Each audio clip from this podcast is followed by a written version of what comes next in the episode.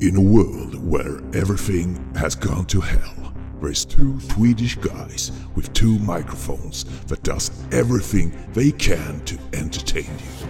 They have decided not to give up on you listeners.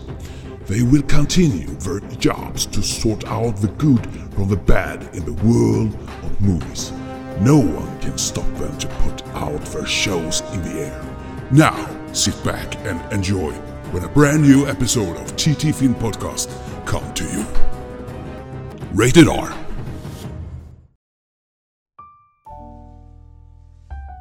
Eftersom jag antar att eh, ni har tryckt på play-knappen på podcasten så vet ni var ni kommit någonstans. Men om ni inte vet det så kommer jag tala om det nu för er i alla fall. Podden heter TT Filmpodcast. Vi kommer prata om film, vilket ni förhoppningsvis också visste, men nu vet ni det i alla fall. Och vad podden idag kommer att avhandla så kommer vi avhandla lite godismat kan man väl säga. Svart godismat. Vi kommer ha giftermål i podden också, givetvis. Ett så här lite oförhappandes giftermål. Inte mellan mig och min partner på andra sidan, men eh, dock ett stort grandiost giftermål. Vi kommer prata om skådespelare som min andra part här hatar. Vi kommer prata om skådespelare som jag här älskar. Och vi kommer även att prata lite serier faktiskt här. That's it! Och givetvis, jag glömmer alltid bort det, men jag har ju faktiskt en person på andra sidan här med som heter Ja, menar du mig? Ja, ja. Thomas ja, ja. Hellberg. Mm. Ja, så, så var det. Mm. Välkommen till dig! Min ständiga vapendragare. Vilken tur att du talar om för alla nytillkomna lyssnare vad vi heter, så de vet vad de har tryckt på. ja, jag tycker det var jättebra. Ja, du tycker ja. det? Ja, men jag, jag, kände att det behövdes kanske fräscha upp minnet på folk. Ja, det är fantastiskt. Och jag fick vara med också, igen. Ja, på tan. Så här lite som en, som en liten fluga på väggen som är bara där och observerar, lyssnar och hummar lite så här. Lyssnar och uh, försöker kasta in någon liten uh, ord hit och dit för att föra podden lite framåt. Mm? Ja, precis. Ja, men jag tycker du är vacker och trivsam som en liten spyfluga. Ja, trevligt. Eh, jag, måste, jag måste få fråga dig en sak här innan vi börjar. Det är ju sommar sådär och du är en sån där som, jag tror du är en sån där som älskar sommar va? Mm. Ja, det gör jag absolut. Jag tycker bättre om våren, men jag tycker om sommaren, ja. Ja, okej, okay. men låtsas att det är mm. vår här nu. Du älskar våren va? Mm. Mm. Ja. ja. Ja, jag börjar fundera på om du har hamnat i sånt här riktigt lovemaking mode. Lite kärlekskrank tror jag just nu. Jag? Uh... Ja, du, du törstar efter romantik. Men med vem då? Ja, men med tanke på att du i det här programmet har valt tre filmer som handlar om ah. relationer. Du vet, pojke möter flicka och vägarna dit i alla korsvägar och upp och ner och smutti, smutti, smutti och puss och... Åh, så gulligt! Åh, så gulligt! Ja, för, för saken är ju faktiskt att jag står bakom alla tre filmerna idag ju. Ja, det är du som har valt dem, allihop. Mm. Jag har valt allt. Är det här någon sån här redemption för att jag valde att vi skulle prata om Top Gun Maverick förra gången och jag valde att vi skulle prata om Everything Everywhere All At Once och, och du bara satt där som en sån här bisittare så nu, nu tänker du att nu tar jag över hela programmet och han får bara snällt åka med. Är det så Nej, men det här, det här med relationer har faktiskt någonting att göra och det är ju då bara för att jag har upplevt otrohet här ju. Bara för en kort stund sedan, alltså flera, egentligen flera avsnitt här ju. Med tanke på att du går på bio utan mig, du sticker iväg och ser på filmer där jag inte får vara med. Jag menar, hur tror du det får mig att må och kännas då? Jag menar, jag har känsliga också. Jaha, så du tröstar dig med sånt här smör, eller såna här filmer? Eh, mm. Goa, mjuka... Så kanske du kan ta till dig någonting och verkligen förstå hur du ska bete dig mot mig. Du vill, du vill inte att jag ska vara hård och fyrkantig och kant, utan jag ska vara god, mjuk och rund och bara omfamna dig och krama så... Ja, men som en färsk marshmallow ungefär. Mm. Som man grillar över sakta eld och torterar tills bara kleten rinner av på den här träpinnen. Ja, lägger mellan två stycken kex och klämmer ihop. Och så blir det alldeles svart då. Game over med. Game over! Nej men det var bara det jag ville få ur systemet, att du verkar ju ha vurma för den här kategorin relationsfilm, kärleksfilm, romantiska komedier och... Ja, Ja, men i, idag kommer vi ha romantisk komedi och vi kommer väl ha, som du säger, en relationsfilm också av lite udda sak och vi kommer ju ha en feelgood film som också har med en relation att göra. Definitivt. Det här kommer gå, gå liksom i alla hjärtans dagtecken fast vi är lite sena. Mm. Men det passar väl jättebra. Sommar, varmt, man ska slappna av, det ska vara lättsmält, inget komplicerat alls. Så jag säger bara till alla er lyssnare, häng med nu bara, nu åker vi, eller hur? Mm. Trevligt, trevligt. Mm. Jag tänkte som så här, att eftersom vi har så jättemycket streamingtjänster som börjar tippa igång nu, eh, vitt och brett, jag menar vi har ju, ja, man, jag tror folk ser mer på film på streamingtjänsterna än vad de ser på biograferna idag alltså. Det gör de sannerligen, speciellt när att filmerna dyker upp så fort efter biopremiären till streamingtjänsterna just. Mm. Så jag tänkte varför inte bara göra ett slag i saken där som är, det behöver inte vara nytt, men det som är nyanlänt på några av våra utvalda streamingtjänster. Jag tänkte bara ta ett, ett litet axblock mellan de olika som jag känner att det här skulle kunna vara jättetrevligt och eh, sätta upp en liten gul lampa för så folk lägger märke till den. Mm. Men vet du vad jag gör då? Kör hårt så sätter jag mig tillbaka, lutar mig alldeles jätteskönt och så dricker jag på min öl här, hör Ha? Har du sugrör när du dricker öl? Nej, men jag surplar för att du ska bli sugen.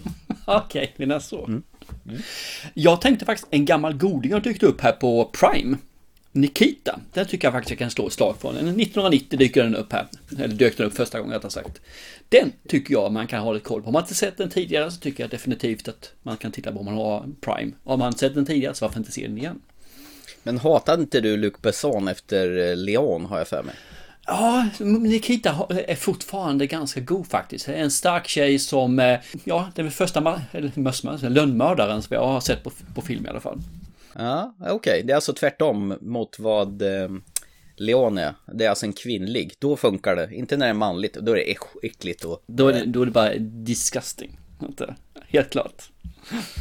Eh, sen har vi på Netflix en helt underbar film som jag tror faktiskt du tycker fortfarande är bra också. Och det är när vi möter vår härliga Joaquin Phoenix och Scarlett Johansson. Där bara Joaquin Phoenix är i bild. Och Scarlett Johansson är vårt underbara operativsystem i Her från 2013. Ja, hon måste ju ha den mest sexigaste operativsystemrösten i världshistorien. Varför är inte hon i alla GPSer för? jag förstår inte det. Visst hade det varit underbart? Ja, hade varit helt fantastiskt. Typ så här, sväng höger. Mm. ah, ah, ja. Eh, mm. Sist men inte minst så ska vi prata om en serie, eller jag ska nämna en serie i alla fall. Eh, serien mm. heter Irma Vip. Och det är med våran egen Alicia Vikander. Va, vad heter den sa du? Irma Vip, eller Vep.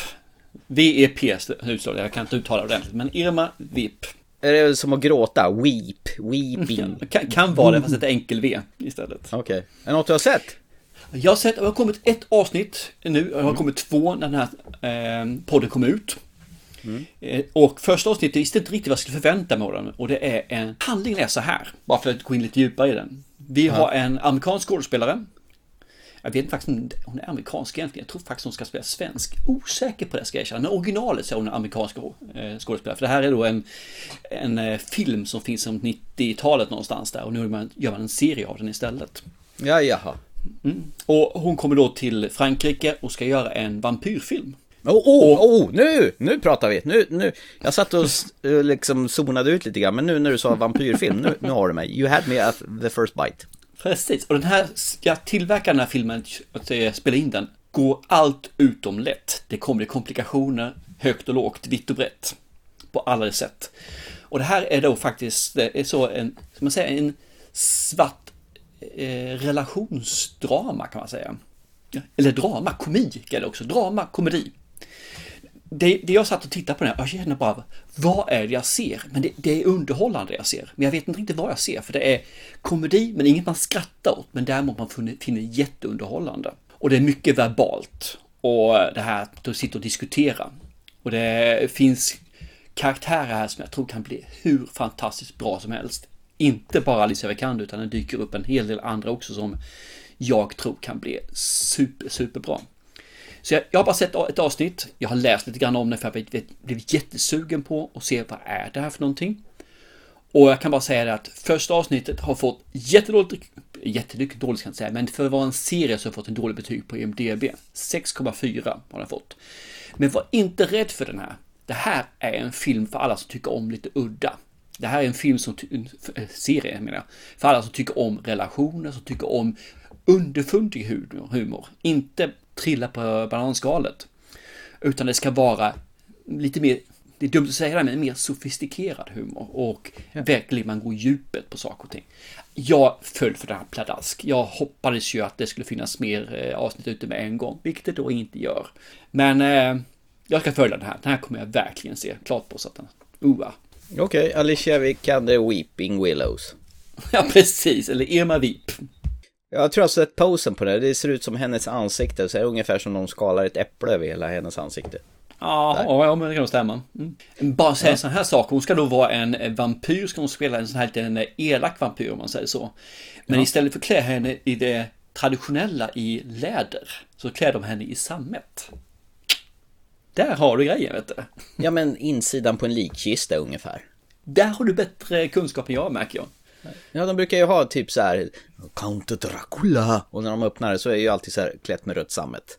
Ja, så är det svart sammet då istället. Ja, men shoot, ja. absolut. Ja, men det är uppdaterat. Man kan inte ha typ Hammer Horror 60-tals likkista utan det ska ju vara 2022. Mm. Jag kan säga det, det är väldigt mycket meta i den här serien också. Så tycker man det är trevligt så är ju det ytterligare en liten så här liten stjärna i kanten. Mm. Ja, då får jag nog faktiskt ta och titta in på den. Det tycker jag definitivt du ska göra. Men eh, jag gjorde misstaget att se när det bara fanns ett avsnitt ute och det var ett jättemisstag. Jag ville se mer med en gång. Så att eh, nu får man ju vänta lite så här lydigt. Ja, du får väl hålla lite på påsen där och mm. Du, har, du, du, är så himla ivrig. Du vill få lugna ner dig till det finns en hög och liksom Det finns en lång sommar som du kan sitta uppe sent på nätterna och glo på fantastiska tv-serier. Nej, mm. så de här tre skulle jag vilja slå ett slag för som sagt för och speciellt en riktig slängkyss till Alicia Vikander i Irma Vip. Ja, det tror jag säkert. Det. Mm. Får jag bara kasta in en sak lite från höger? Jag nej. såg nu att... Nej, det fick jag inte. Nej. Kör. Nej. Eh, vi var ju lite besvikna på filmen Resident Evil eh, Welcome to Raccoon City. Eh, mm. Som vi pratade om för några program sedan. Netflix kommer nu med sin live action-serie som har premiär den 14 juli. Som bara heter kort och gott Resident Evil. Nu finns det en trailer på den att beskåda och hela första säsongen, jag gissar väl på att det blir fler om det går bra, alla, ligger i alla fall på åtta avsnitt och mm. har premiär den 14 juli i år. Kommer de att skicka ut hela säsongen eller kommer de att skicka ut det av, eh, avsnitt för avsnitt? Vet du Men hallå, det är ju Netflix vi pratar om, de kastar alltid ut hela rasket. Inte alltid, det är några gånger de har inte gjort det. Nästan alltid då. Ja, Okej, de okay. gjorde en konstig grej med eh, fjärde säsongen av eh, Stranger Things. De slängde ut de åtta första avsnitten och sen kommer de två sista i mitten av juli. Den ja, var ju också en variant. rätt så konstig för att säga. Men Resident Evil, den kommer jag ju hänga på låset när den släpps på Netflix. Lysande, ja men det ska man göra, definitivt. Mm. Den får jag ju eh, titta in på, det ska bli jättekul att följa den. Men du, vi måste ju avhandla den här eh, alltså det som har nog varit mest väntat på hela Disney Plus sen de lanserade återkomsten av Obi-Wan Kenobi som nu har släppts på Disney Plus. They're coming. Stay hidden. Or we will not survive.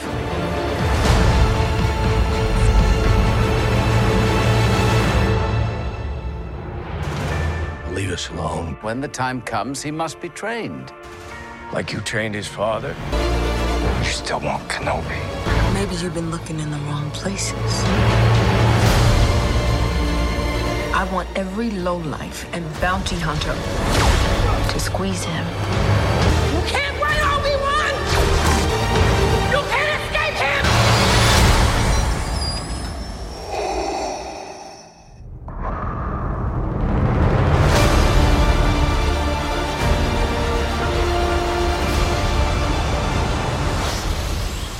Ja, just det. Ja, ja, det har kommit, är det fyra avsnitt va? Ja, och det är bara sex avsnitt. Det är ju som en mini, det ska vara en miniserie det här. Mm. Det ryktas dessvärre om att eh, det kommer mera. Men jag vet inte, jag har inte sett något bekräftat av det. Men eh, mm. Obi-Wan Kenobi, eh, sex avsnitt. Yes, och fyra nu, fem när avsnittet kom ut. Yes, har du sett de avsnitten som eh, släppta hittills? Japp, det har jag gjort, absolut. Mm. Och dina första reaktioner är? Eh, jag tittade på första avsnittet, eller egentligen första när jag slog igång det där så kände jag bara att först är det här introt de har då med de tre första filmerna, Phantom Menace, bla bla bla bla, vad det är för någonting som man får en recap vad som har skett. Eh, ja, och mm. det påminner man sig om att man inte vill se om de tre filmerna. Ja, absolut. Men du får en jättefin introduktion till universumet tycker jag. Man känner verkligen igen sig, man får in feelingen för det. Och alla de här karaktärerna, djuren, vad det är för någonting. Jag tycker det är jävligt nice alltså. Tyvärr känner jag bara att den är ganska långsam första avsnittet. Det blir liksom inget så att det kör igång utan det är bara, jaha, okej. Okay. Det, det, är ungefär som man är i mitten av första säsongen, alltså i en långkörare. Här orkar vi inte riktigt hålla upp farten. Det var första avsnittet. Faktum var ju att de slängde ut båda de två första avsnitten på fredagen för att sedan mm. gå över till den ordinarie onsdagssläppen. Och ja. det kan väl vara den orsaken att de kände väl att det här kanske inte ger mer smak om vi inte dundrar ut de två första samtidigt. Problemet är att avsnitt två är ju ingen sådär hundrafatig heller direkt. Jag tycker den är rätt intetsägande också. Nej, det roliga var, jag sa till Isak jag kan garantera dig till hundratusen procent hur det andra avsnittet kommer att sluta. Och men vad rätt jag hade. Man skulle kunna tro att jag varit med och skrivit manus i det här. Ja, precis. Det, wow. det, man kan säga är att vi är två stycken i, i vårt hushåll som har sett alla fyra avsnitten. Mm. En av oss tycker det här är okej och en av oss tycker det här är ren smörja och ser det enkom för att tjejen i det här huset vill se den. Gissa vem ja. det är som tycker det är bra och inte tycker det är bra.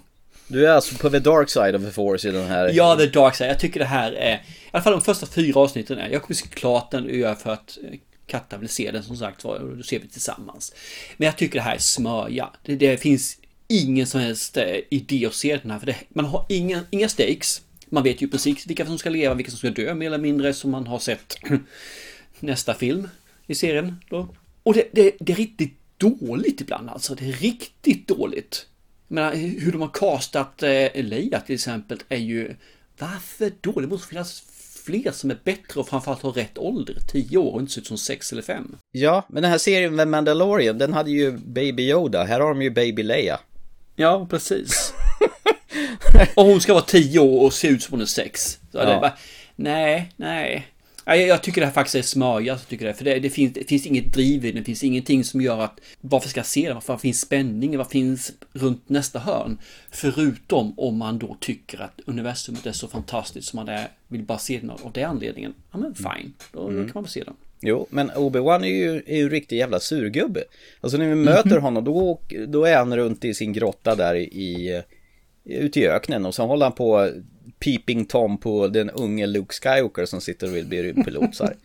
Sen skiter vi i Luke Skywalker för resten av serien, i alla fall så här långt. Och då börjar han fokusera på eh, syrran hans, eh, Leia då. Och det enda Obi-Wan gör det är att gå till sitt jobb och skära upp någon jävla konstig kött som ser ut som tonfisk och så smugglar han med sig lite av den där tonfisken och tar med sig hem till sin kameldromedar rymdvarelse hästgrej som suger i sig den där på en gång.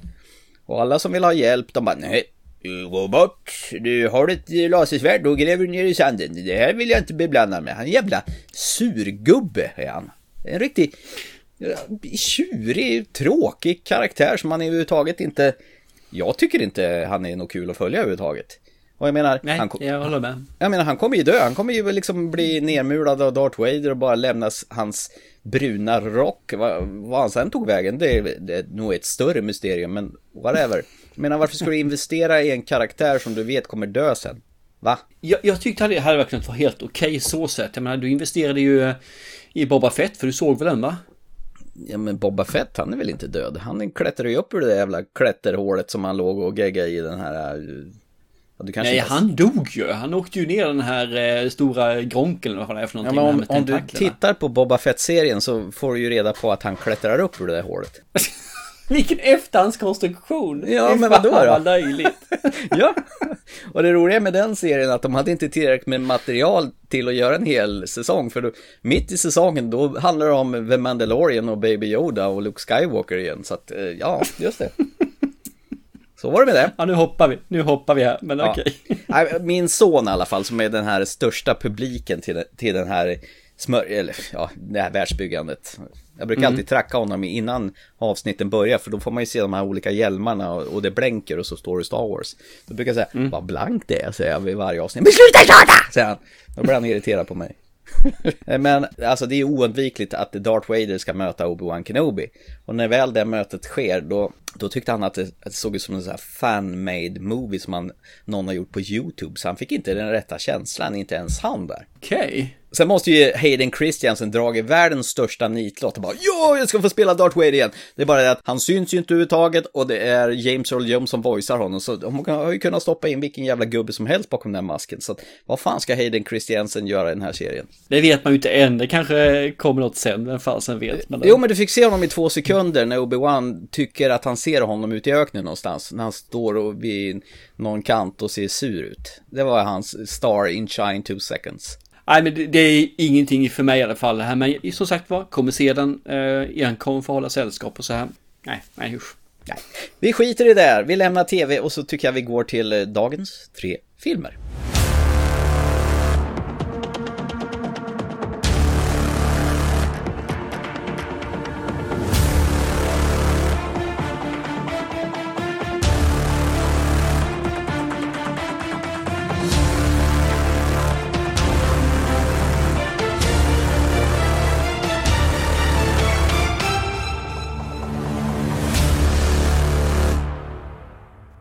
Så, min kära vän och podcastkollega, du som har valt alla dessa tre filmer i kvällens program. Vad ska vi börja med? Vi börjar väl, Thomas Hellberg. Will you marry me? Ja, det skulle du allt vilja ja. Om jag var lagd åt det hållet så jättegärna. Det är väl egentligen eh, den här podden, det är väl vårat kärleksbarn. va? Ja, men det här är ju eh, absolut vår bromance. Så, nej, vi ska ju givetvis prata om Marry Me med Jennifer Lopez och din älskade favoritskådespelare Owen Wilson. Owen kräks, jag spyr Wilson ja. Mm, just det. Och det var ju en film som du har på tjata om ungefär ett halvår endast du såg någon trailer och sa att den här vill jag se, den här ska vi ha när den kommer. Jo, jo. Du fick som du ville. Nu har den kommit och nu har vi båda tittat på den. The Marry Me concert tour is something you will not want to miss. In 36 hours, superstar Kat Valdez and Grammy-winning Bastion will perform their new song "Marry Me" and exchange vows in front of a streaming audience of 20 million people. I'll be the one in the veil. Charlie, this is once in a lifetime. I've got my daughter tonight. Good. I've got three tickets for tonight. Bring her. Dad, you haven't had any fun since Mom left. Just say yes. What am I doing here? Okay, let's go. We only have five minutes. What's everybody looking at? Nothing. Give me your phone. Kat Valdez's husband-to-be, Bastion, caught cheating with her assistant.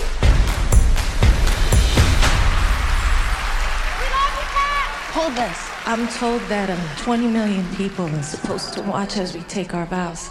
They say if you want something different, you have to do something different. Why not? Yes, I'll marry you. You. Go! Go! Go! Do you, some guy, take Kat to be your lawfully wedded wife? Okay. Was crazy. I think we left Smart six weeks ago. I was on my way to you. Who do you think you are, man? Some fan? No, I'm not a fan. Just, well, I mean, I am now.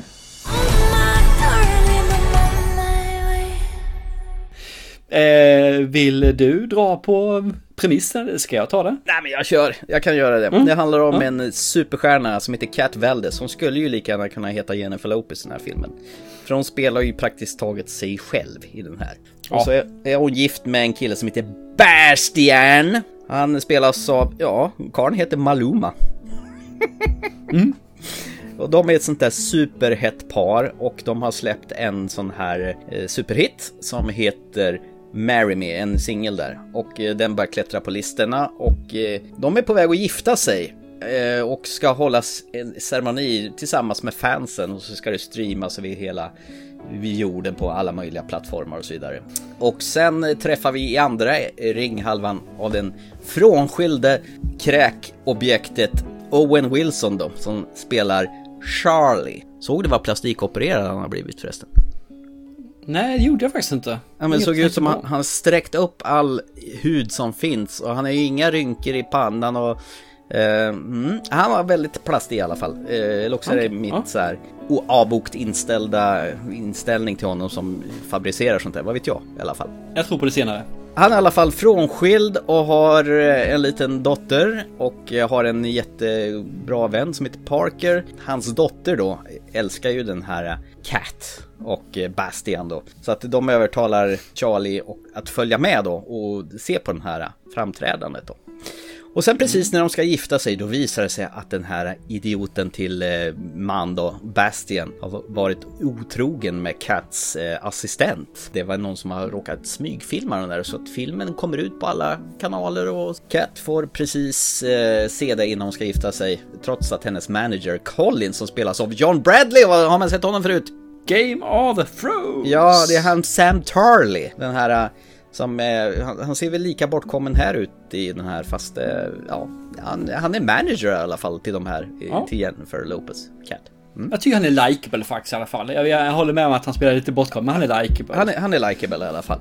Så, så det som händer då, det, det är att eh, hon eh, börjar prata på scenen att det här med förtroende och att hon kanske var kär i bara kärleken och det var en illusion och hon eh, vill inte gifta sig med den här Bastian längre utan sen, ja, nej, jo. Får någon slags ingivelse och så tittar hon ut i publikhavet där och där framför henne så står ju Owen Wilson, eh, kräkmedlet där, Charlie med sin potatisnäsa och håller upp en skylt som eh, står den här låttiteln Marry Me. Och så säger hon Dig ska jag gifta mig med! Och så blir alla bara woho! Gå upp till henne! Och så blir det någon sån här slags eh, fejkad ceremoni att eh, säger, tar du henne till din äkta maka? Och Charlie säger eh, ja, varför inte? Och så gifter de sig. Och så blir det ett jäkla hallå där med medieuppbåd och det här, han är ju bara en enkel mattelärare, eller vad är han? Han är någon, jo, han är någon mattelärare. Ja, han är mattelärare. Ja, Ja, det är han. Precis, och vill pusha sin dotter och vara med i en sån här matteklubb och för att hon är duktig och så vidare. Och de här två världarna möts då. Hans enkla leverne och eh, den superstar, präktiga och superheta Jennifer Lopez. Som jag inte fattar överhuvudtaget varför hon skulle välja Owen Wilson. Han är, han är, han är, han är ett kräkmedel alltså. Han är, har jag sagt att jag tycker att han är ett kräkmedel förresten?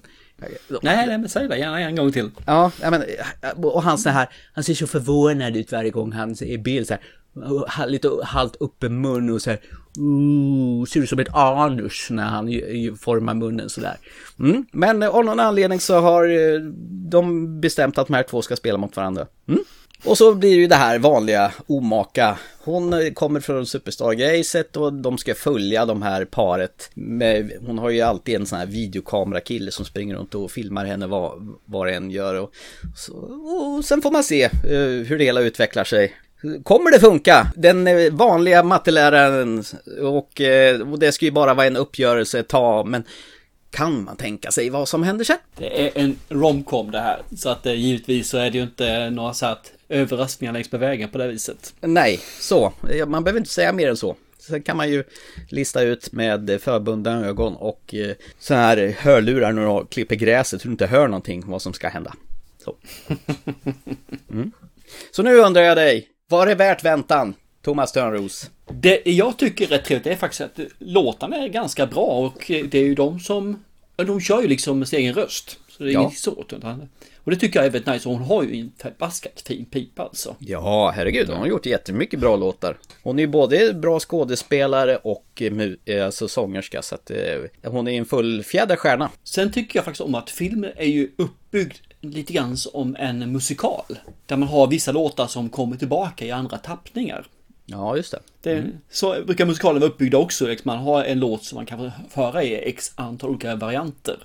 Och det tycker jag är jäkligt nice. Jag är ju svag för musikaler live. Och jag tyckte om uppbyggnaden av det här också faktiskt. Sen så är jag ju jävligt svag faktiskt. Att dottern är ju charmig tycker jag ju. Var har du sett henne innan någonstans förresten? För det vet jag att du gjort. Eh, Lou, eh, Cl- Chloe Coleman. Nej, jag kan inte svara på det. Nej. Gunpowder and Milkshake.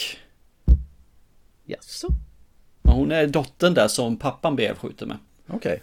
Eh, hon är en charmig liten eh, tjej tycker jag som lättar upp lite grann på hur, ja, den här eh, dottern som håller på att bli, ja, sen säga kvinna, men går in i puberteten i alla fall. Mm. Och så har vi ju Parker, hans bästa vän då ju, hon som är, vad är hon, Eh, någon sån här syokonsulent eller något liknande som behandlar barnen mer som ett terrorobjekt än eh, som levande varelse. Jag tycker om hennes humor, jag tycker om henne, hon är väl mer, om man ska jämföra den här filmen med någon annan film så är det väl lite Notting Hill. Ja, ja, men det är lite, lite åt det hållet ja. Parker, hans eh, kompis är väl Spike då om vi skulle göra direktöversättningen kan jag tänka mig. De eh, har ungefär samma men jag tycker hon har en lite råare, eh, brutalare humor än vad som man normalt sett ser i en romcom faktiskt. Så jag tycker det är lite fint att det lättar upp det sliskiga åtminstone. Eh, Owen Wilson, jag tycker han är oftast ganska dålig. Han är lite over the top för mig. Han är inte den bästa här heller, men han har alla fall lyckats att tona ner sig själv, att inte vara den här eh, löjliga figuren som han nästan alltid spelar. Utan här är han faktiskt en normal pappa. Sen får man ju, får man ju säga, tycka vad hans skådesprestation vad man vill. Men han har ändå tonat ner sig själv och gjort en förändring i sitt eh, skådespelande. Det är spännande att han får roller överhuvudtaget. Ja, så kan man ju tycka. Eh, Eh, jag tycker det här är en romcom. Eh, jag såg den tillsammans med min tjej och vi var ganska överens faktiskt om den här filmen. Det är att den, den är helt okej som en romcom, tycker jag.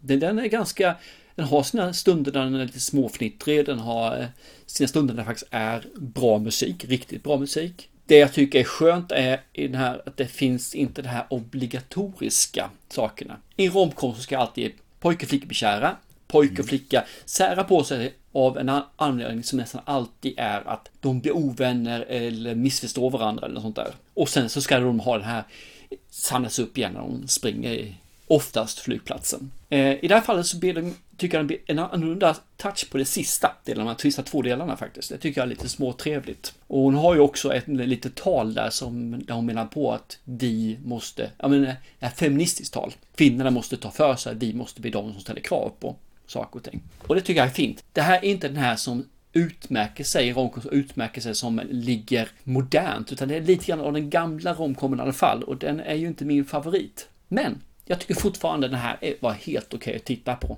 Det är ju den är inte så fruktansvärt lång, så jag tyckte att den fungerade som sagt var att dra sig igenom. Och jag hade underhållning faktiskt den här tiden också, så att eh, jag tyckte den dög. Eh, Mer än dög. Jag hade nöje av den till och med vissa. Jaha. Mm. Så den var kanske inte det jag trodde den skulle vara riktigt hållen, men den... eh, Jag, jag led inte alls faktiskt när jag såg den. Nej. Själv då? Kunde du komma förbi att eh, Owen Wilson var eh, en av huvudrollsinnehavarna? Jag gillar ju alla scener där han inte är bild, kan man säga. ja, men det, det här är ju alltså mall A, så det bara dånar om det. Eh, Ja, rik det tjej, eh, risig kille. Det var ju märkligt att han, att han bara var frånskild och att inte hans fru hade dött. Så det, de brukar ju dra till excess när det gäller sånt. Och han ska vara den här deprimerade pappan som tycker att livet är åt helvete. Men det var, det var ju skönt att de inte gjorde, gjorde så. Och det, det är ju som du säger, de har ju alltid någon sidekick som ska vara den här comic relief. Som spicar upp det lite grann, pushar honom i rätt riktning och har en, en dotter som fattar ju mer än vad han gör. Jag tycker nog att det, det fanns de här komponenterna som brukar finnas där. Att någon ska sätta sig på tvären och missförstå varandra och de ska vara ifrån varandra innan det löser sig på slutet. Det är ju ingen hemlighet. Det är en romcom så ska det lösa sig på slutet. Och det ska, någon ska få springa över gatorna för att ta sig. Det är i och för sig ingen flygplats men ja, whatever. Så de bitarna fanns det. Och, och vet, vet, vet du vad jag blir så jävla irriterad på? När det är mot slutet där och de, de ska vara så gulliga mot varandra. Och jag tycker det är så fint. Jag, jag blir rörd, det, så liksom, jag, det börjar bubbla i, mag, i magen och jag bara känner att ja, tänk om det vore någon annan än den där jävla Owen Wilson så skulle det här vara mycket trevligare. Alltså Jennifer Lopez, alltså hon är jättebra. Jag tycker hon borde använda Ja. henne mer i filmer. Alltså kasta in henne i alla möjliga filmer. Jag gillar ju den här när hon är i huvudet på en massmördare, Vesell. Mm, precis, den är ju fruktansvärt bra. Helvete vad sugen jag blev på att se den när jag såg Jennifer Lopez. För jag menar, hon har ju hela breda registret. Hon bär ju den här filmen. Eh, Jag tycker John Bradley som Colin är också jättebra. Och jag gillar ju Mm. som, som du säger hennes dotter, eller hans dotter Lou. Den helt okej romcom. Det är ju vad det är. Den utger sig ju inte vara någonting annat heller. Utan det här ska ju underhålla för stunden och ja, nej men om man bortser från vissa skådespelare så ja. Viss skådespelare. Musiken var bra och budskapet är ju fint och det berör ju ändå lite grann. Jag, är- jag är lite svag för sånt här. Jag är, jag är lätt köpt. Ja, men det kan jag med vara visvis, det det är rätt trevligt. Att det är båda lika där. Jag hade ju bestämt mig på förväg att jag skulle såga skiten ur den här och du skulle få fan för den här jävla filmen. Men... den var en trivsam liten stund. Jag hade inte tråkigt. Det, man vet hur Nej. det ska gå. Och det, det gör ju ingenting. Det, utan det är resan dit som är mysig, som du brukar säga. Ja, och definitivt den här typen av film så är det ju det. Mm. Det, det ska ju inte vara någon överraskning på det viset. Nej. Och det är inte därför man ser de här filmerna heller, utan det här ser man ju för att det är ungefär som man äter en frukost på en vardag. Du vet precis vad du får för något. Du får den här mackan med ost alltså, och sen får du en kopp kaffe. Mm. Det är va- varje dag, samma sak. Du ska bli lite varm av den där uh, kopp kaffen eller chokladen du dricker och det ska Ja. kännas lite bra i magen. Men vad trevligt att du, att du eh, tyckte den var helt okej i alla fall, för jag trodde faktiskt att du skulle eh, spotta på mig här i podden. Vi kan väl göra så här som vi brukar göra. Du skulle ju, brukar ju gissa vad jag tycker innan jag har rabblat det här. Hade du fel då vid det läget? Jag hade fel i den här, helt klart. Det är alltså 1-0 till Thomas. Titta. Ja, precis. Ja, du, du, absolut. Den här eh, trodde jag verkligen att du skulle eh, gå igång på negativt vis, som vi säger så. Ja, det lät lite så när jag berättade om det. Jag kände det själv för jag la på det här sarkastiska, det syrliga, det, det här... eh, Du vet. Men Thomas, det är så du alltid låter. Min sambo brukar säga det, att du låter ju alltid så arg och irriterad. Låter jag så här? Nej, det gör du inte. Ja, ja. Eh, nej, men du har ju två chanser till att få fel då, om, om du vill. Eller rätt. Ja, det beror på hur absolut. utgången blir. Så att jag tycker vi lämnar den här eh, Marry Me som nu finns på DVD och Blu-ray i den här vevan när programmet kommer ut. Tror jag i alla fall. Eller om de närmsta dagarna. Och ni som tycker om romcom tycker definitivt ska se den här. Och tycker ni om romcom med, eller film med lite musik, så tycker ni definitivt ni ska se den här. För den här har bra musik och det är en, en duglig romcom. Bra!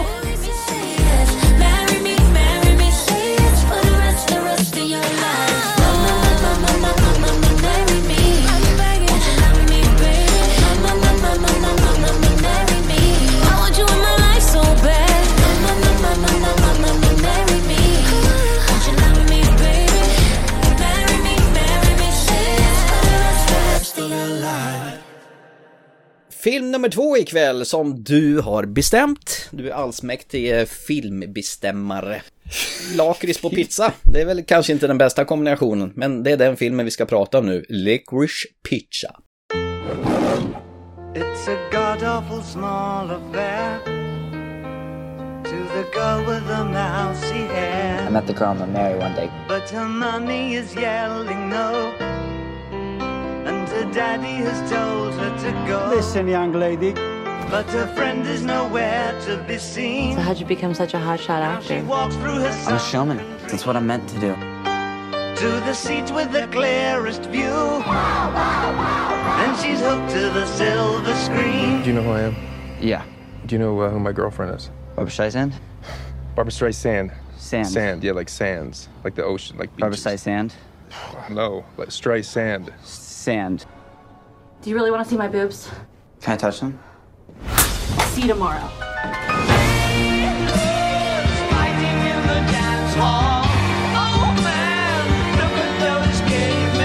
I think it's weird I hang out with Gary and his friends all the time.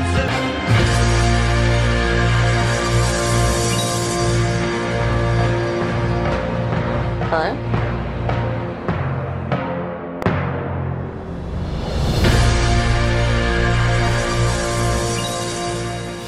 Yes! Mm. Och jag vet att du ställde frågan till mig.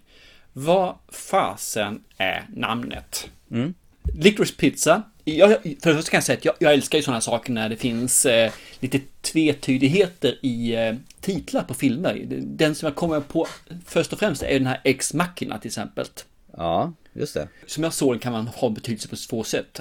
Hon är ju en, en robotandroid ju, som vi har AI som ska då vara här. Och Ex Machina som var före detta maskin och nu blir hon någonting mer. Så kan man tycka, kan man se det då. Det andra är ex machina, man går till latinska uttrycket ex machina, det är att det finns en fälla eller lönnöppning på en scen där man då kan stuva undan folk så att de försvinner från scenen så här magiskt. Och det är lite grann vad hon gjorde i filmen också, ex machina ju. Hon lurade ju skiten ur eh, människorna kan man väl säga. Så där har man en jättefin underfundighet. Och då tänkte jag, här gick jag igång på varför Licorice Pizza? Och det enda jag kan komma fram till i det här fallet för det första det är att Licorice Pizza är på 70-80-talet så var det en affär eller en rörelse som sålde LP-skivor.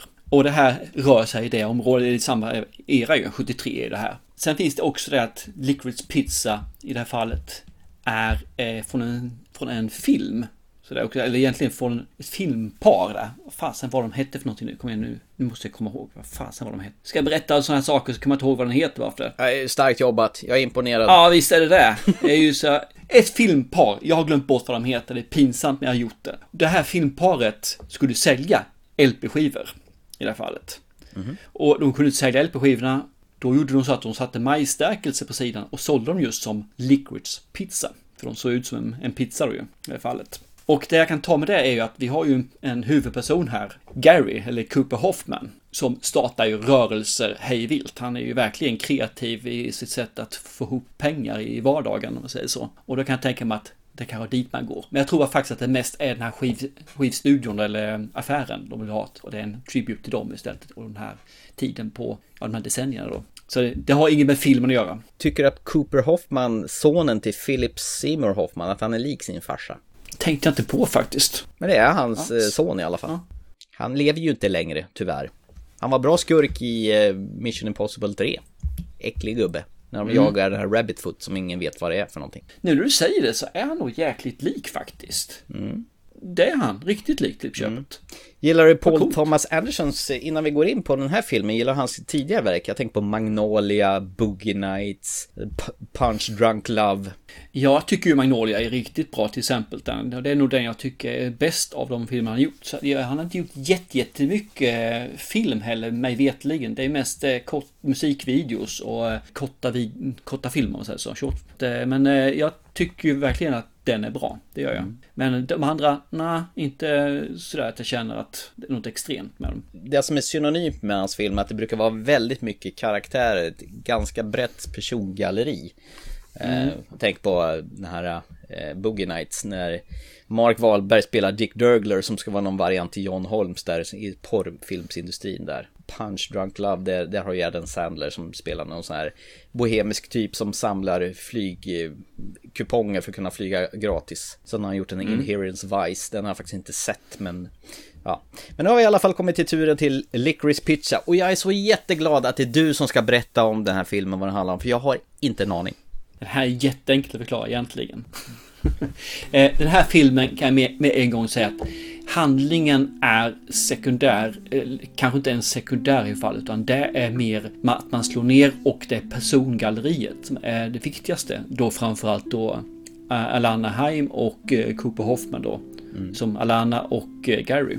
Utan det startar i början med att det är att Gary ska iväg och fotograferas till skolan. Stöter på Alana som då är en av de anställda där som ska hjälpa honom att komma rätt. Och han stöter ju på henne som sagt var och vill ju då att de ska gå ut och ta en dejt. Och hon säger jag kan inte ta en dejt med dig, du är bara 15. Eh, nej men ta, se det inte som dejt, se det bara så vi träffas. Och så hela tiden lirkar han då ju. Ja, ja, gör vad du vill sa han, men jag kommer vara på den här restaurangen vid det här klockslaget. Kom om du vill. Och givetvis så dyker hon upp. Och här har vi då en relation mellan de här två personerna som vi då får följa den filmen i deras uppbäranden och framgångar och eh, mickle med mackel kan man väl säga egentligen. Mickelmackel! ja, det är med. Det låter ju nästan som mitt Humpty Damptande. Ja, jag, jag kände att likheten var väldigt stor, fast det här är inte Humpty Damptande någonstans. Det här är bara Mickle Mackel. Det här är Bolibompa fast eh, för barn. Ja, men det är lite ungefär som eh, Once upon a time in Hollywood av Quentin Tarantino, där man får hänga med karaktärerna ungefär. Ja, men exakt. Jag kände att det var rätt likt det faktiskt. Jag vågade faktiskt inte riktigt säga det, för jag tänkte det kanske är lite grann som svära kyrkan inför dig då. Nej, men jag bara tänkte så här, den gillar ju inte du speciellt mycket, så det här skulle bli intressant om, om du drar den åt samma håll eller om du uppskattar den här mer. Det var lite det jag fiskade efter. Jag ska väl säga så här med en gång. Det här är ju en film vi fick ganska sent från eh, våra samarbetspartners. Så att vi hade väldigt tidigt, så jag såg den idag samtidigt som vi skulle ha podden och det här är fel film att se och prata om i samma dag. Ja, den måste marinera sig lite grann. Jag tror att den hade mått bra av att eh, vänta åtminstone en tre, fyra dagar innan man ska diskutera om vad det här är och vad man tycker om filmen. Mm. Men jag ska ge mitt första intryck av den i alla fall. Det låter ju bra. Jag älskar karaktärerna. Jag älskar Alana och hennes, eh, ja, hur hon är som person och hon, hennes, ja vad ska jag säga, utmaningar i livet. Jag tycker om Gary som är fruktansvärt här i nuet personen som är fruktansvärt driven samtidigt också. Han är en affärsman, han hittar möjligheter överallt, han är en entreprenör kan man säga. De här två personerna är helt fantastiska. Det som är svagheten i filmen är att det just det finns ingen riktig röd tråd och man hoppar väldigt mycket. Det finns ju en hisklig massa stora personer här. Vi har Sean Penn som dyker in, vi har Tom Waits som går in här också. Vi har Bradley Cooper som går in också, bland annat, bland annat. De hoppar in lite grann från sidan och sen så är de med en stund. Bradley Cooper, han känner jag knappt igen ärligt talat. Jaha, nej men han kände jag igen, absolut. Jag missade dock eh, Tom Waits för att säga. Sean Penn, han gillar att åka fort på fylla. Ja, precis. Och det här är nackdelen. Jag tycker om scenerna, men det blir lite svårt att få grepp om filmen som, som sådan. Och det är därför jag tror att den måste smältas lite grann och se vad jag har sett. Men det, det man kan säga är ju det här att det är ju ynglingar som växer upp och mognar och blir kanske inte vuxna, men ändå får lite mer erfarenhet och vilka de är som, som personer. Det är alltså en coming of age historia det här alltså. Fast de inte gör det egentligen. Men ja, det är väl det närmaste jag kommer liknelse idag i alla fall, att det är en coming of age då, ish. Eh, de har ju ett väldigt udda förhållande de här, för han är ju kär i henne och det går han ju ut öppet med. Du, det här är min, min fru, min kommande fru. Och hon är, nej, nej, du är bara 15, jag är 25, kom igen, det går inte. Du är jävla pampers. Jag har precis slutat med blöja och slutat tugga Hubba Bubba. Precis, men ändå så kan hon inte mer än att hänga med dem, här, det här gänget som han eh, ingår i. Så att hon är ändå med där hela tiden. Trots att hon då är tio år äldre eller något liknande. Jag tycker ändå att det, det, det finns någonting här som är underfundet, men den är småsmält, den är svår att greppa om, den, den är jobbig att titta på för att jag inte får något sammanhang. Jag tror att fråga mig om nästa avsnitt vad jag tycker om filmen så ska jag ge ett bättre korrekt film än vad jag tyckte. Idag är det skitbra karaktärer, underbar kemi mellan de här två, två stycken personerna. Men som film är det en mä.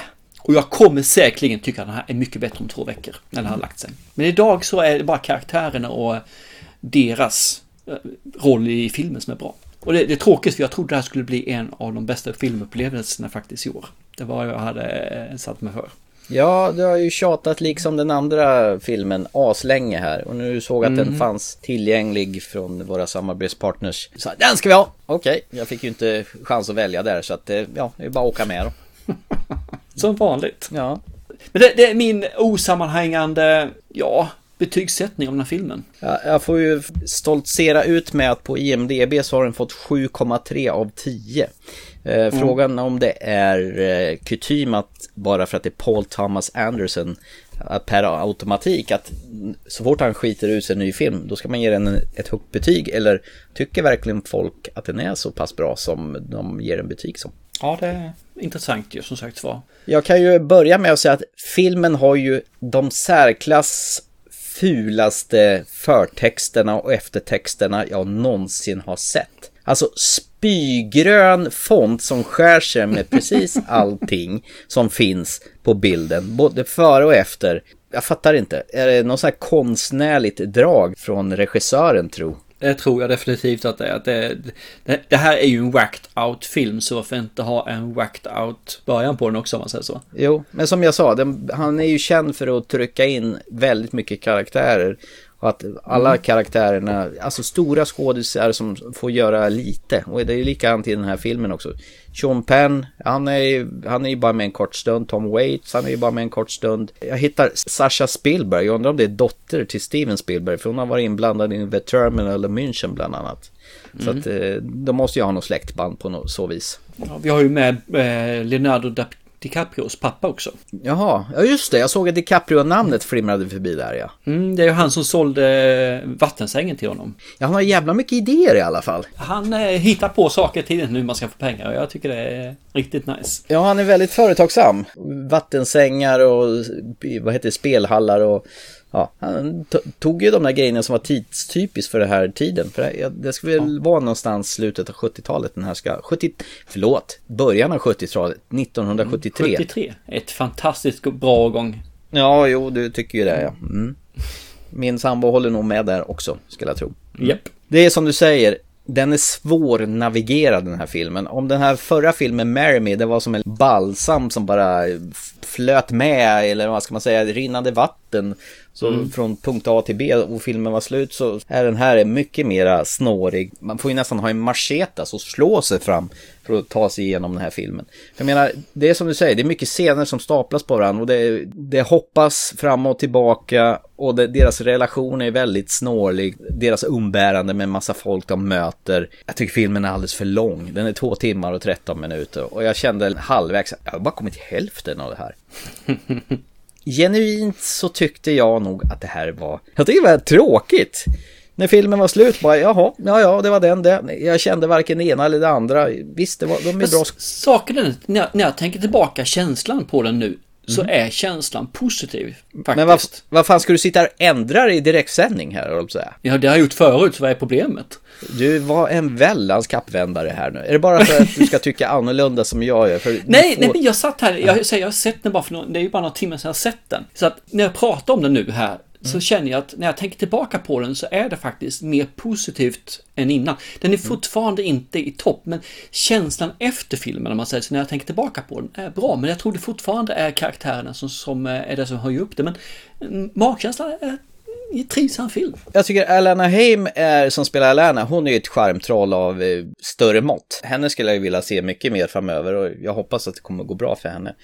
Eh, Cooper Hoffman tycker jag, hans rollfigur Gary är en störig jävel. Han är, han är så på och han är så om sig och kring sig och han är en sån där hustler, skulle man säga, en sån här fixare som jag bara känner att Usch, han är obehaglig.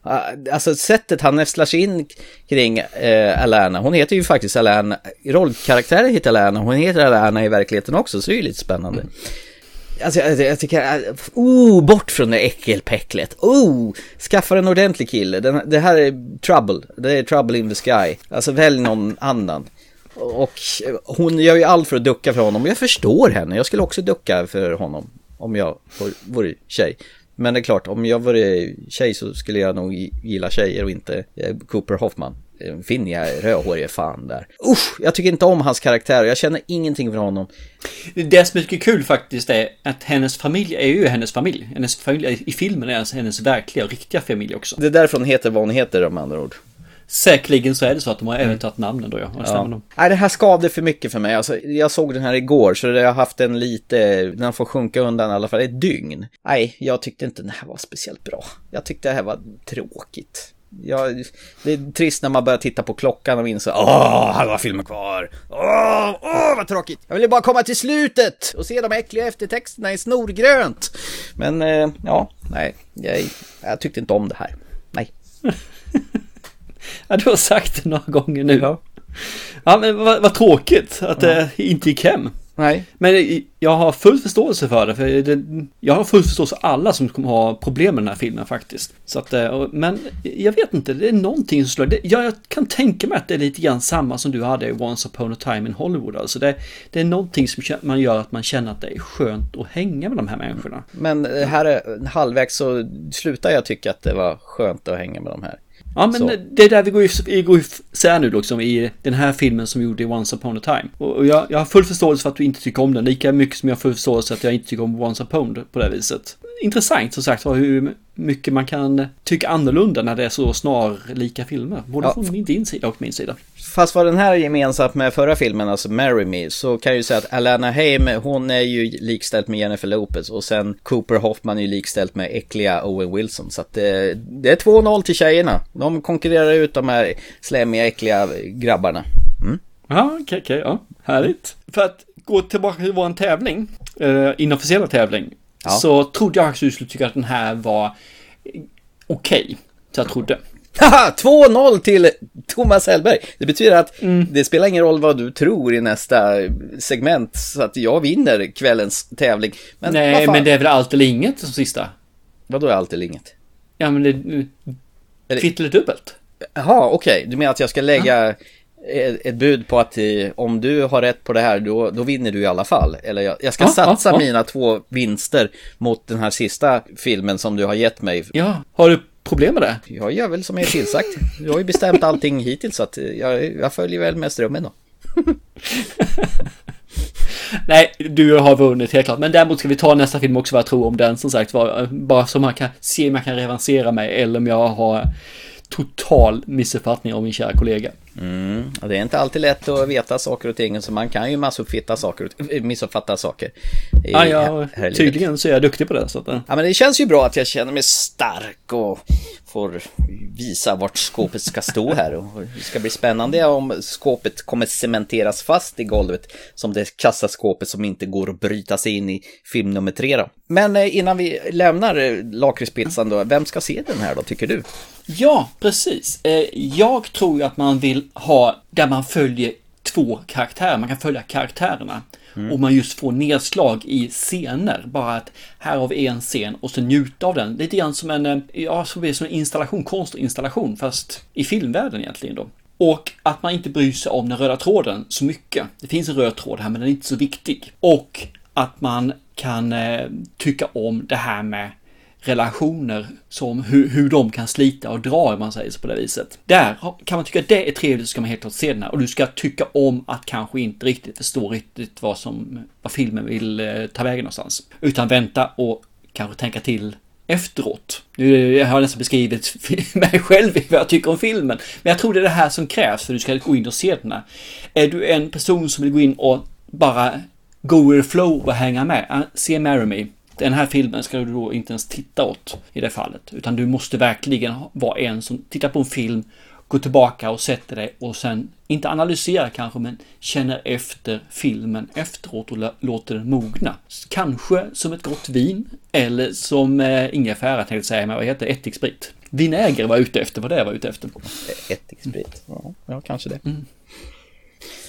Ja, jag, jag, jag vet inte vad jag ska säga. Det är ju en eh, pojke möter flicka-film eh, igen då. Fast lite mer komplicerad väg fram till slutet där. Och hur ska det gå? Hur ska det gå? Det återstår ju att titta om man är nyfiken. Mm. Men men, den har fått 7,3 av 10 på IMDB så att eh, jag kan väl ha rätt och alla andra har fel igen då, som vanligt då. Ska du ha rätt och alla andra har fel? Ja, just Ja, det. ja. ja, jag förstår. Det är, bara Okej. 85, det är bara 85 000 pers på IMDB som har röstat så att det är masshypnospsykos där helt enkelt. Mm, ja, precis. Ja, men så är det ju. Jag, jag kände av det med en gång.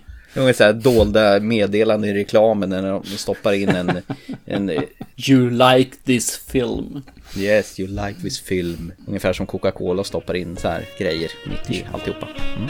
Precis.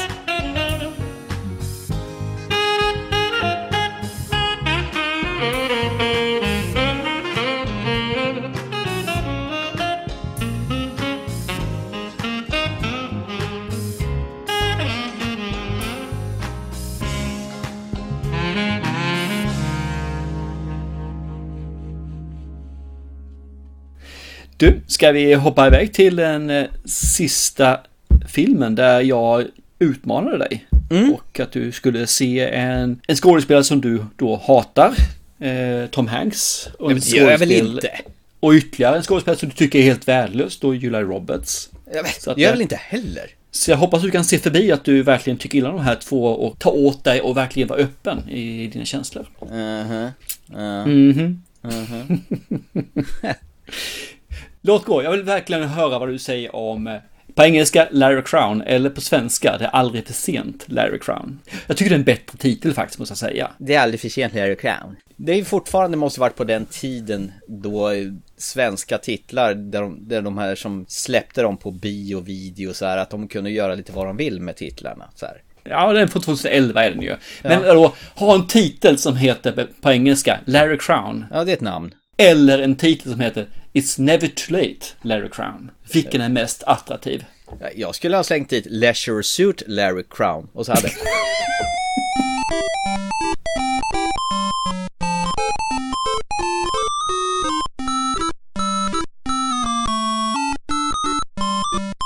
Det här tv-spelet eh, som Sierra Online gjorde när man skulle ragga upp Det är en helt annan typ av film. och köpa kondomer och grejer Mm. med peppermint spearmint och så skrattade alla åt den bakom i supermarketdiskarna och sådär och så var, fick man dansa på dansgolvet sådär. Och för att kunna spela spelet överhuvudtaget så var man tvungen att Men- svara på tio frågor. Jag börjar helt klart förstå varför du tycker om sådana här filmer, måste fundera och analysera lite grann. För du har ju fan en attention span på 15 sekunder.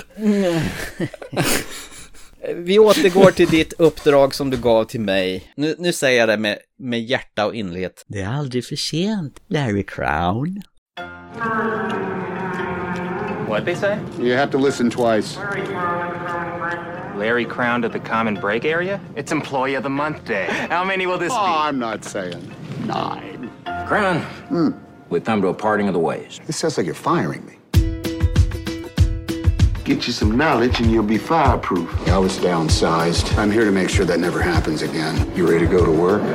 Economics 1. Master my course and you will take over the world. Didn't see you in the scooter pit last term. Want to join my gang? You're in a gang? What kind of thugs you got involved with? Just my college buddies. Excuse me, this class is canceled. The state requires a minimum of 10 students per class, so thanks. Is this speech 217? Take off your pants. What? You are way cooler than you appear. My boyfriend's here. Put your pants back on. Man. Brain freeze. Look who's waiting for a bus. Do you need a ride? I'll ride, but I will not wear that bucket on my head.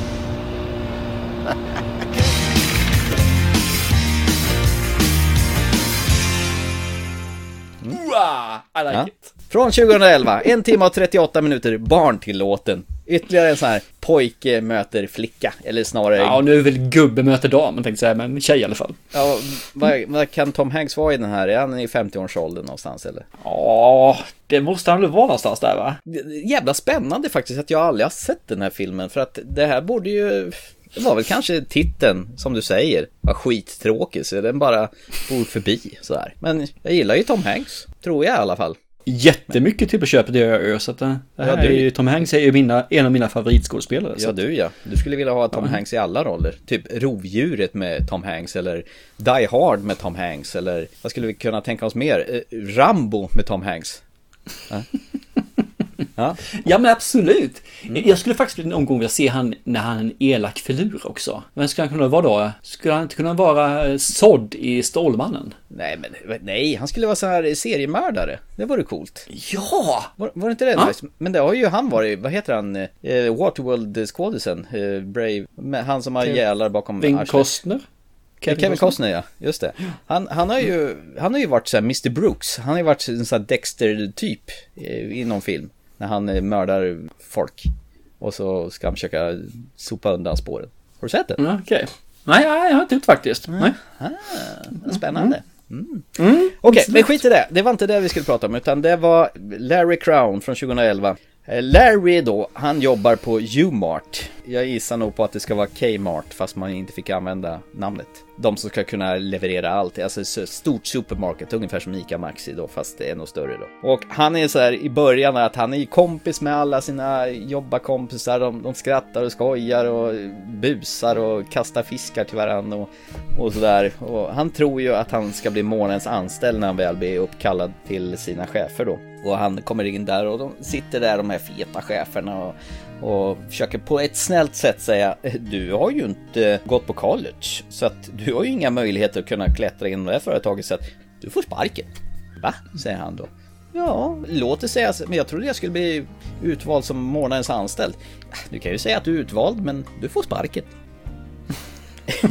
så han har ju inte gått på college. När han slutade sin vanliga skolan så gick han direkt till flottan och var ute till havs i massa år. Så att eh, det blev ju inte där och där lärde han sig att laga mat och han var ju lite kock där och skala potatis och sådana saker. Eh, Han har ett ganska oorganiserat liv den här Larry Crown och han riskerar dessutom att bli av med sitt hus då. Han har ju skilt sig då och han bor själv där och han har skulder upp över sina öron. Skulderna är mer än vad huset är värt så att får inte han till det här snart så kommer banken ta huset ifrån honom. Då. Så han gör det enda rätta. Han börjar på college. Så han eh, låter sin bil stå och så åker han köper han en sån här moppe-skoter mackapär av sin granne då som har en öppen loppis utanför sitt hus hela tiden.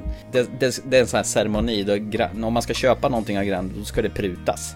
Det ska börja på sån jättehögt belopp och så, även om grejen bara kostar en, en dollar så ska det börjas på 100 dollar för han gillar den här ceremonin verkar det som. Larry börjar, han, han, hoppar in på i college då och går i en sån här klass hur man håller föredrag på ett löst och ledigt sätt. Och eh, där har en, eh, en kvinna som är sur och trött och jävligt irriterad. Eh, hon heter Mercedes Tainot och man ska inte skoja om hennes efternamn för då blir hon riktigt arg. Hon börjar alltid varje termin med att säga att jag heter Tainot och får inte till något annat för då jävlar. Så har hon med sig sin kaffeburk där. Eh, I, I själva den här eh, klassen då så träffar Larry den fria själen Taylor. Gugu. Eh, Mafata Raw heter skådisen där och eh, hon lär honom att klä sig, hon lär honom bete sig och framförallt så puttar hon honom lite vidare i livet då. Alla blir kära i den här eh, Taila Tyla och framförallt eh, pojkvännen då som säger att han är den som är kär mest av alla i henne. Så ge fan i att titta för mycket på henne då. Larry han hoppar med i ett motorcykelgäng som åker sen på kvällarna tillsammans tills de blir hungriga och så stannar de vid något lämpligt ställe och käkar. Så de är, de är väldigt så här snälla, det är inga så här hotfulla MC-knuttar utan... MC, det är ju fast en Vespa-gäng, kom igen. Okej då. Okej, ett Vespa-gäng då. Han åker ju på en Vespa. De åker förbi en sån här eh, HD-gäng som de hälsar på, de bara skrattar åt dem. Jag tycker så initialt så tycker jag att Larry i början, han känns lite off, lite awkward, li, lite halvt, han känns efter eller han har tappat gnistan eller någonting, men han är, han är ju snäll. Och Tom Hanks han spelar ju som sagt huvudrollen, han har skrivit manus och vet du vad? Han har även regisserat filmen. Yes. Och vad tycker du om sånt? Att man både skådespelar, skriver och regisserar? Får jag höra nu? Ja. Eh, oftast är det ett misstag. Mm. Just det. Mm. Ja. Gnugga in det ordentligt nu. Det är ett misstag. Mm. Vet du vad jag insåg i den här filmen? Tom Hanks, han, han har ju inget sexappeal överhuvudtaget. Nej, det har han inte. Det är någon scen han dra, ska dra på sig för alldeles för tajta byxor och, och så ser man hans röd. Ett par så här vita gubbkalsonger. Eh, men han är ju trevlig. Ja, han är trevlig.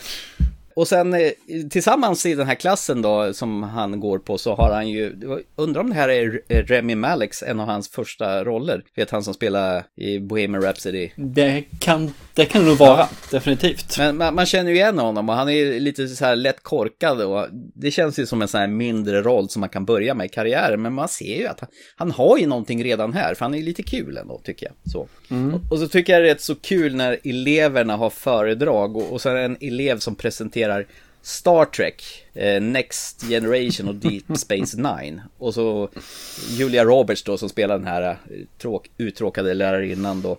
Så insåg att Larry Crown, han är minsann inte där. Och så vrålar han skolkar han från min lektion!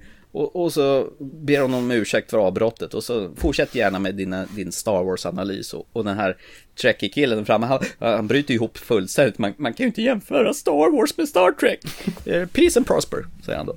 Nu, nu kommer vi till det som är riktigt bra med den här filmen. Det är Julia Roberts. Hon är läraren som lär ut presentation, kroppsspråk och så har hon med sig sin kaffetermos överallt. Hon vill ju verkligen inte vara där. Hon ser ju chansen att slippa när hon räknar de här klassmedlemmarna första gången. En, två, tre, fyra, fyra, ja nio, okej, okay, ni är för få. Så att den här klassen blir inställd. Det måste vara tio då. Och så kommer den här Larry Crown in och sabbar det hela då är de ju tio då. Och sen var han dessutom gift med Walter White, alltså Brian Cranston från Breaking Bad. Mm.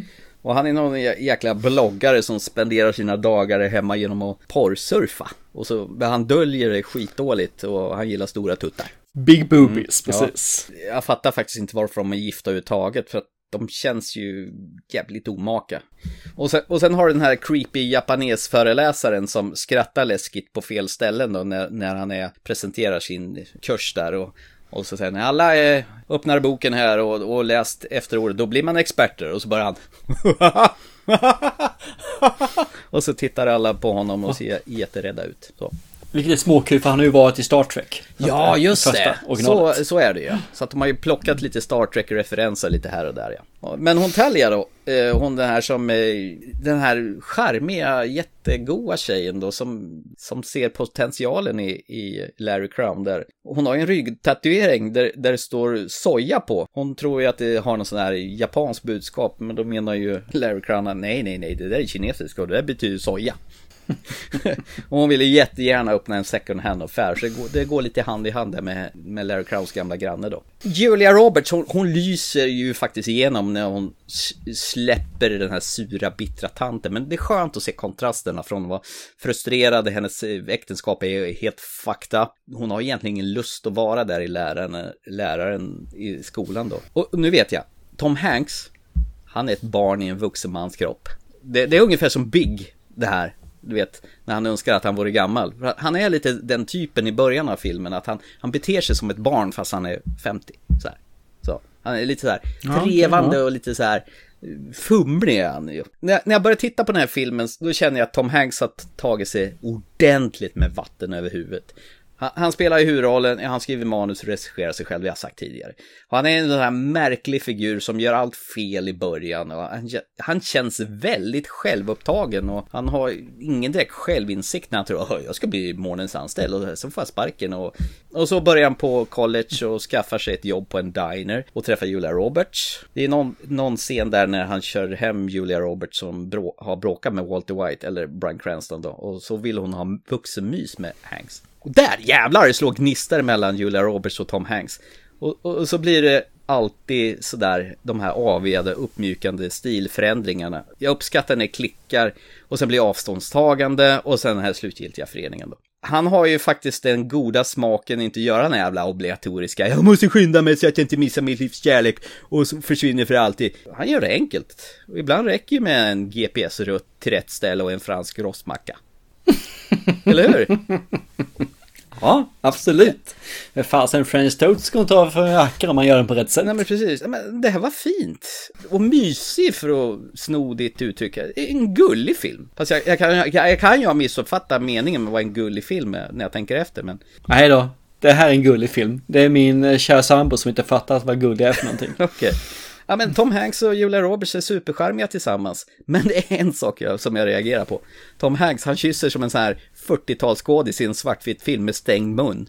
Eh, Jag kan faktiskt inte framför mig se Tom Hanks hångla eller, eller göra något annat för den delen. Det kunde inte han heller märkte du väl? Nej, det är verkligen så här. eh, Humphrey Bogart, Ingrid Bergman när de pressar i sina stängda munnar och så, så känns det när Tom Hanks pussas. Jag har nog aldrig sett honom hångla på film. Har du gjort det? Nej, jag har inte gjort det. Nej, definitivt inte. Nej. Det närmaste jag kommit är väl när han kör Forrest Gump, tror jag. Med, vad heter hon, Jennifer? Eller? Jenny. Den här var trevlig. Det är ju det här, AV person lär sig ta ansvar för sig själv, strukturera upp sitt liv. Sur eh, lärarinna, taskigt eh, giftermål, de träffas på rätt tidpunkt. Det slår gnister, sakta men säkert den här aviga inställningen blir någonting fint. Och, och som sagt, jag uppskattar att han gör det enkelt på slutet, inte någon sån här äh, världsomvälvande. Alltså den här skiljer sig lite från de här vanliga romcom-grejerna. Det här, det här, det var varmt och fint. Alltså det blev återigen så på slutet, det bubblade lite i magen och jag vet, jag är lättköpt, jag är lättköpt. Jag vet att den här går som romcom, men jag tycker själv inte det här är en romcom egentligen. Men jag tänkte bara, alla är så himla snälla. Det är egentligen bara eh, Brian Cranston som är ett jävla asshole i den här filmen. Han är, han är så taskig mot Julia Roberts och han bara Okej, jag gillar stora pattar och du har inga. Säger han. Och så, jag tar tillbaka, jag tar tillbaka det. Mm, exakt. Men jag tog ju tillbaka det, men kom hit tillbaka det ungefär som att jag kan säga precis vad jag vill, men det är bara, då har det inte hänt. Varför ser man inte med Julia Roberts i filmer för? Ja. Hon är ju toppen. Hon är fantastisk. Hon är. Jag, efter jag såg den här filmen så satt jag och tänkte liksom att fast vad gott det skulle vara att kunna få ta en fika med henne. och bara sitta och prata liksom eh, vanligt. Mm. Och så här, för jag tror hon är en ruggigt, ruggigt trevlig person alltså. Och jag gillar hennes asgarv när hon bara flabbar ut så här. Hon är ju en naturbegåvning alltså. Deluxe. Ja, och visst, visst låter hennes skratt jättenaturligt. Ja, det är så här- Jag tror hon låter så när hon skrattar. Ja, det gör hon alltså. säkert. Det är ju som i den här scenen i, som jag brukar återkomma till i Pretty Woman när, när Mm. Richard Gere öppnar den här, vad heter det, lådan med det här halsbandet och sen när hon ska ta den så drämmer han igen den och det var ju tydligen en improviserad grej och hennes reaktion där. Den blev ju så här uppenbar och bubblig så det behöll de i filmen. Hon, och det verkar vara Ja, så att hon, precis. hon har den där spontana auran som man gillar. Eh, bara för din saks skull som sa fall så är det en film som kommer i år med henne som heter Ticket to Paradise. Jo, trevligt. Och så håller hon på att filma en film som heter Leave the World Behind. Oh, trevligt. Så det kommer mer med saker med henne faktiskt. Ah, gött mos. Ja, så vet du det. Eh, jag hade rätt här. Jag, jag var ganska säker på att du tycker att den här filmen var bra. I början så kände jag så här liksom, ja, jag ska göra allt för att såga skiten det här. Men återigen, likt eh, Marry Me, det går ju inte. När det är mysigt och härligt. Och det här var ju mysigt och härligt deluxe. Du går verkligen in för att du ska trasha mina filmer. Det här så... Sen längs vägen så insåg jag att det går ju inte. Herregud, var realistisk. Det är så fantastiskt skönt att du är en så dålig lögnare. Så att, eh, Ja, nej men det här var alltså kemi, allting och även de här andra som var i det här klassrummet som håller sina föredrag om Ja, potatis finns i alla möjliga sorter och ja, det var skoj, det var varmt och det var härligt. Det var precis vad jag behövde. Mysigt. Ja, ibland behöver man det. Det är som jag sa, det här, är- för mig är det här en feel good rulle alltså. Man, man mår bra efter man har sett den. Det är en sån här mysfilm jag kan sätta mig och bara titta på bara för att. Och likadant den här pojkvännen då, han nämnde jag knappt, men han som eh, blev lite sotis över det när hon håller på att klär upp eh, Larry Crown. Han är rätt skön, den här Mm. latinokillen där, men det är ju ingen som är så här jätteelaka, hotfulla, utan alla är ju schyssta i den här filmen. Ja, absolut. Tänk, världen skulle vara så mycket bättre om alla var så här trevliga och snälla. Ja, precis. Lite grann som eh, Beautiful Day. Ja, Han är ju jättegullig där också. Eh, In the Neighborhood, ja. Just det, när han är sån här tossig mm. Ja, så hette den. Heter inte Beautiful Day, heter ju In the Neighborhood. Heter den ju, ja, precis. Jo, ja men den är fin också. Gott. Jag menar, det, att ta och plocka in en film med Tom Hanks är ju oftast en ganska lågoddsare om vi säger så. Ja, han är ju fruktansvärt likable. Jag tror ju att han är minst lika trevlig i verkligheten som han är i sina filmer. Alltså den här karln. Det tror jag också, Ja. definitivt. Visst, varför, var- varför känner man inte Tom Hanks för? Visst hade det varit trevligt att göra det. Bara sådär. Ja. Inte. En god gubbe. Alltså jag hade hellre känt Julia Roberts. Kan ju, kan ju känna båda. Jag ringer Julia Roberts. Vad ska vi göra? Vi ska, vi ska gå på bio. Vi ska, Ja. vi ska snacka lite grann. Definitivt. Ja. Tom Hanks kommer och möter upp och sen. Jävla trevlig kille. Ja. Jävla trevlig kille så. Fy fan. Ah, nice. Eh, Kul att höra att den gick hem faktiskt. Ja. Hörru du, du hintade lite grann i förra programmet att vi skulle strukturera om lite grann. Eh, både strukturera om och äntligen eh, köra på. Vi har ju fått lite olika segment i våran podd här. Jag tänker på, vi har ju våran återtiteln, vi har ju våran Mm. blast from the past och så har vi våra uppdraget. Och det var lite så här, ska vi låta någonting av det där vila lite grann? Men det är jättesvårt att välja bort någonting, eller vad säger du? Ja, för jag tycker utmaningen är ju jättetrevlig för jag får se film som jag normalt sett inte skulle ha sett. Eh, Den tycker jag, Blast from Past som är den nya liksom, det känner jag, fast vad kul det är att komma tillbaka till nostalgins värld så här, lite då och då. Det är jättekul. Och sen så har vi då den här Återtiteln. tillbaka återtiteln. Samma sak där, att man måste se på en film som man sett innan och se hur har man förändrats med 20 år i bagageluckan. Det är lite svårt att göra sig av med allting, men samtidigt ska man behålla allt det här så blir ju vårt avsnitt liksom två timmar långt och det är ohållbart.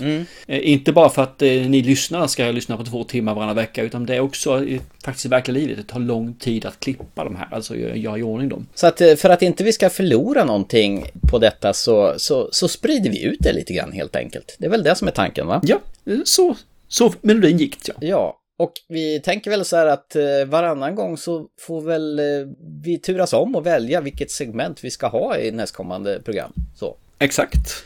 Så då kan man välja mellan eh, de här tre sakerna. Det tycker jag är trevligt. Vet du vad det betyder? Nej, du får välja. Du valde ju alltså uppdraget åt mig så att nu är det min tur att välja.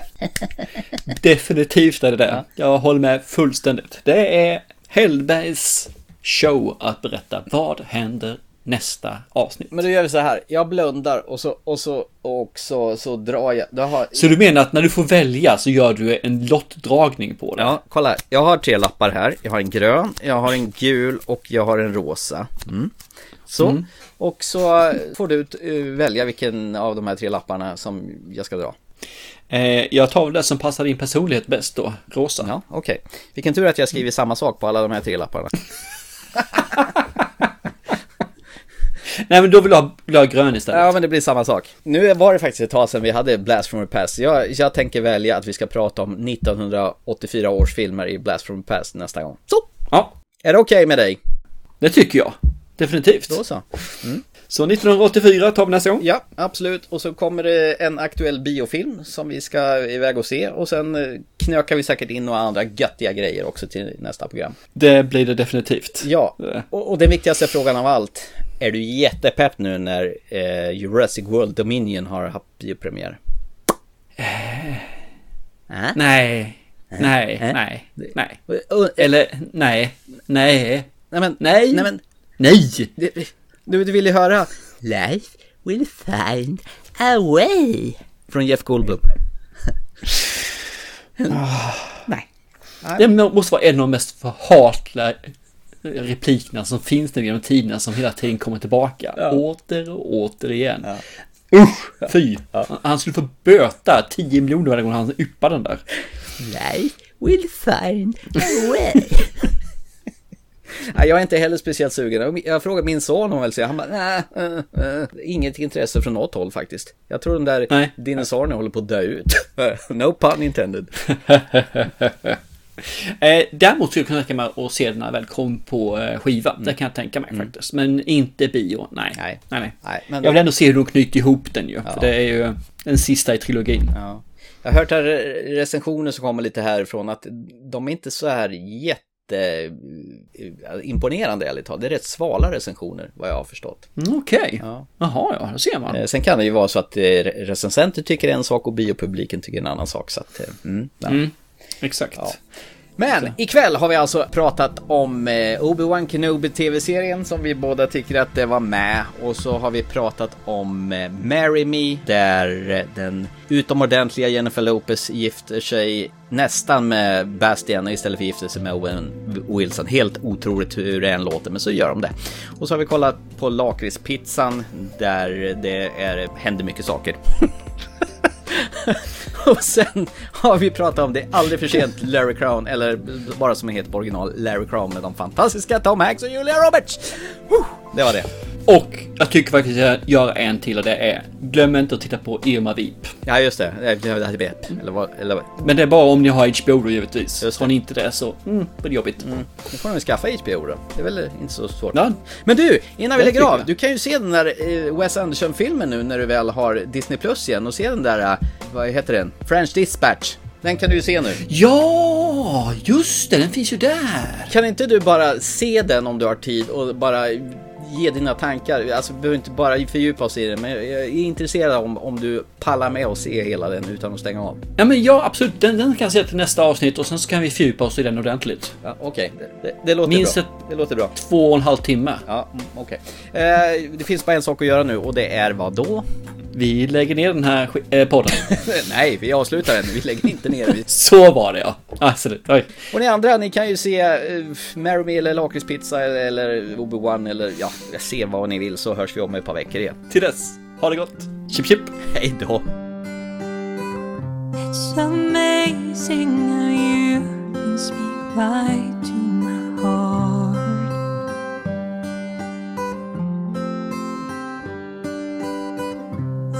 Saying a word, you can light up the dark. Try as I may, I can never